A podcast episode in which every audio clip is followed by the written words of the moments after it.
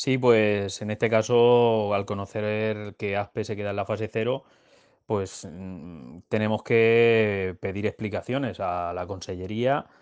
y que nos den los resultados a los cuales ha basado, pues porque en estos momentos yo creo que el esfuerzo que están haciendo todos los vecinos y vecinas de Aspe no se ve compensado en esta situación. Y además los datos que tenemos en el área sanitaria y en concreto en Aspe, pues son datos que avalan en estos momentos para que Aspe estuviera en la fase uno. Y creo que en estos momentos pues es una situación que vamos a pedir explicaciones, igual que estaba hablando hace un momento con el alcalde de Crevillente, con otros alcaldes, ya que tampoco es comprensible que determinadas poblaciones que están funcionando bien, que los datos están ahí y vemos como el área sanitaria nuestra, pues una de las que más bajas tienen tanto de infección como de fallecimientos en toda la comunidad valenciana, pues que en estos momentos nos quedemos en fase cero.